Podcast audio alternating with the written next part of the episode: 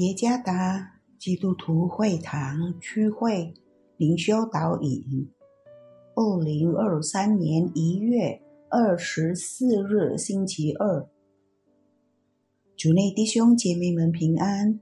今天的灵修导引，我们要借着圣经出埃及记二十章第四到第五节来思想今天的主题。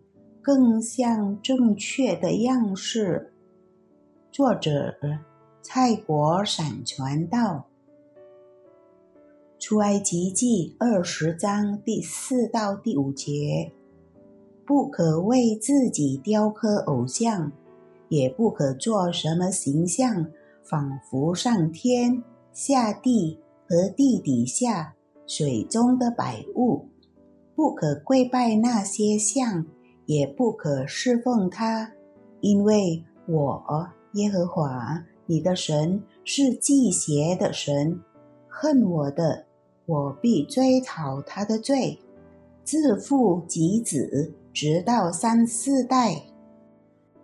有一天，一位年轻人问我，为什么基督徒不能烧香或参与拜拜等仪式？如果目的只是尊重，而不是接受这信仰，那有什么问题呢？我回答说：所有烧香和跪拜都是那信仰敬拜的一部分。一个尊重宗教仪式的基督徒不会参与别的宗教仪式，为什么呢？敬拜仪式。与神圣性有密切关系。神圣的意义不是一件简单的事情，它会反映和塑造一个人的自我和性格。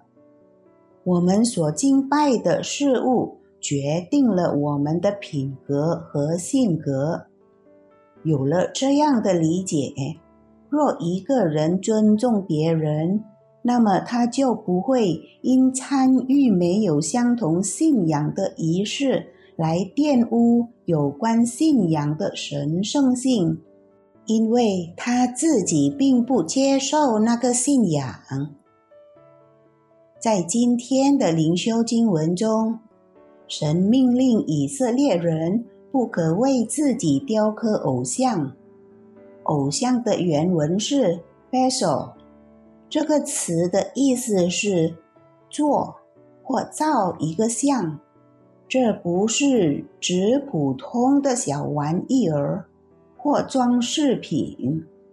Peso 有更深的意义，Peso 与人的内心有相似之处，或做造成的像将使敬拜的人更像他。这与人受造有矛盾。人是照着神的形象被造的，顺服造物主的人，应更像造物主，在性格、性情和圣洁上与他相似。当人背叛神，他就为自己造了像。人所造的像有两种含义。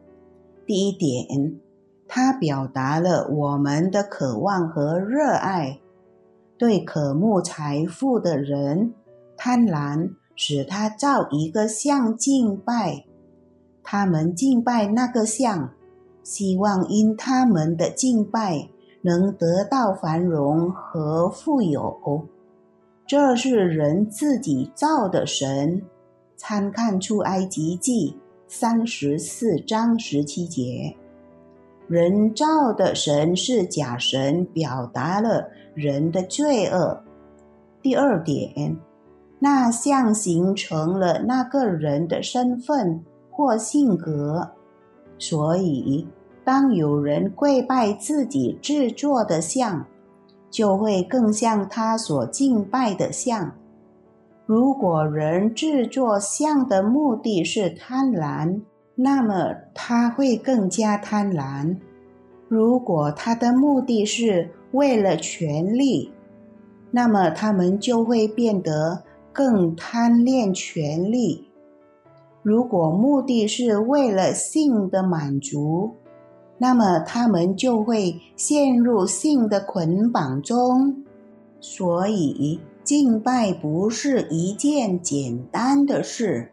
我发现还有很多神的儿女还在坟墓祭拜，或者参与某些宗教敬拜仪式。神严禁他的儿女们。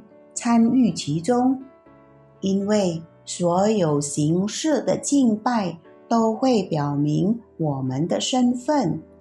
那些敬拜形成我们的性格，影响我们的心。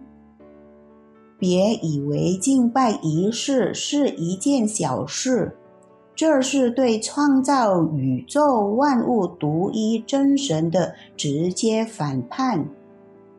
反抗那按照他形象和样式创造我们的造物主，因此，我们这些因基督的救赎而成为新造的人，应该活得更像他的样式。